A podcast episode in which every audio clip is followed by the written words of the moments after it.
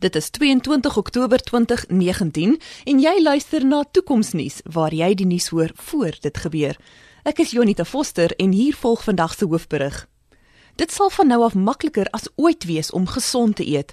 Suid-Afrika se mees populêre aanlyn kruidenierswarewinkel het vandag 'n voorstel enjin geloods wat kossoorte voorstel gebaseer op die koper se DNS-profiel. Wanneer jy jou inkopieslys op die webtuiste insleutel, kategoriseer die voorstel en jy elke item as rooi, geel of groen, gebaseer op kossoorte wat jou, volgens jou DNS-profiel, 'n langer, gesonder lewe sal kan laat leef. Groen dui goeie keuses aan, geel dui kossoorte aan wat net af en toe gebruik moet word en kossoorte in die rooi kategorie moet liefs vermy word. Pieter Geldenhuys is saam met my in die ateljee om te verduidelik hoe alles werk. Welkom Pieter. Hallo Junita. Pieter, watter tegnologieë word gebruik om hierdie ontwikkeling moontlik te maak? Unita vir jare al doen mense al hulle DNA-analise op maatskappye soos 23andMe. Jy stuur eenvoudig 'n bietjie speeksel in en na 'n 2 of 3 weke stuur hulle vir jou 'n dataler wat jou DNA ontleed. En hierdie dataler kan jy dan koppel aan verskillende tipe dienste. En een van hulle is om te kyk watter kossoorte optimaal by jou dieet of by jou DNS profiel sal pas. Nou wat belangrik is om te besef is dat daar sekere afwykings in almal van ons se DNA is en sekere kossoorte wat dan kan beteken dat sekere siektes wat jy 'n baie hoë kans het om te kry in die toekoms baie laer kan word as jy jou dieet verander. En dis een van hierdie metodieke wat ons dus kan gebruik om 'n langer lewe te lewe deur die regte dinge te eet. En dis wat hierdie maatskappy gedoen het. Hy het sy database gekoppel aan jou profiel en daardeur bepaal hulle dan watter tipe kossoorte is beter vir jou dieet of nie. Kom ons kyk na 'n voorbeeld. Uh omtrent 4 of 5% van die samelewing het 'n afwyking van hulle DNA wat die ApoE4 alleel genoem word. Nou jy het of 'n ApoE 'n 2 of 'n 3 of 'n 4. As jy 4 het, het ek slegte nuus vir jou.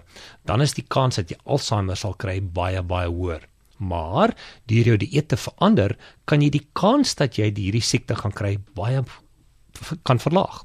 Uh of baie meer kan verlaag. En dit beteken dat jy sekere ander tipe kossoorte moet eet as in die verlede. Byvoorbeeld, jy moet omtrent 14 ure per dag vas. So jy gaan 6 uur die aand eet en dan eers 8 uur die volgende oggend ontbyt eet. En dis baie goed vir jou as jy dan die ApoE4 alleel het. Jy moet wegbly van vleissoorte waar hulle graan eet en eerder kyk na vleise waar hulle gras eet. En vir my vir my eerder alle rooi vleis. As jy egter gaan kyk na ander tipe kosse wat jy kan eet, moet jy byvoorbeeld aartappels met patats vervang, koekmeel met kokosneutmeel. Ehm um, bone kan jy met quinoa vervang en daar's ander tipe pastas wat baie meer gesond is vir jou tipe dieet. En wat hierdie maatskappy gedoen het is om dit baie makliker te maak om aan te dui watter kossoorte by jou DNA pas of nie. Byvoorbeeld daar's twee tipe melke, 'n Casein A1 of 'n Casein A2 melk. En deur hierdie webwerf kan jy baie maklik sê hierdie tipe melk wat ek bestel het is nie optimaal vir my nie. Verander dit asseblief. En ja, jy gaan 50 of 60% partykeer meer betaal vir hierdie vir hierdie kos, maar dit het 'n definitiewe positiewe impak op jou gesondheid en verlaag die kans dramaties dat jy hierdie siektes kan kry wat in jou DNA voorspel word. Nou maar Pieter, om 'n gebalanseerde en gesonde dieet voor te skryf was nog altyd die werk van dieetkundiges. Is hierdie nou weer 'n geval van werk wat oorgeneem word deur tegnologie en robotte?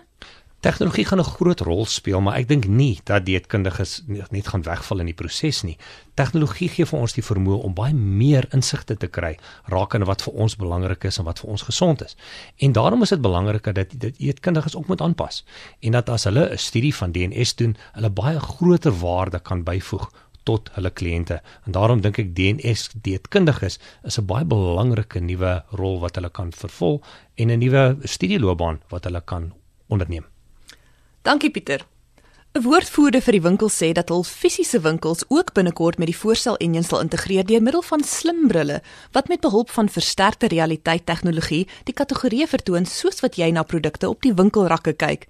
Die slim brille sal ook vir jou 'n roete deur die winkel voorstel gebaseer op jou inkopieslys wat jy voor die tyd op Google of Alexa voorgestel het. Dit was Pieter Geldenhuys en Jonita Foster vir Toekomsnuus waar ons die moontlikhede van die toekoms ondersoek.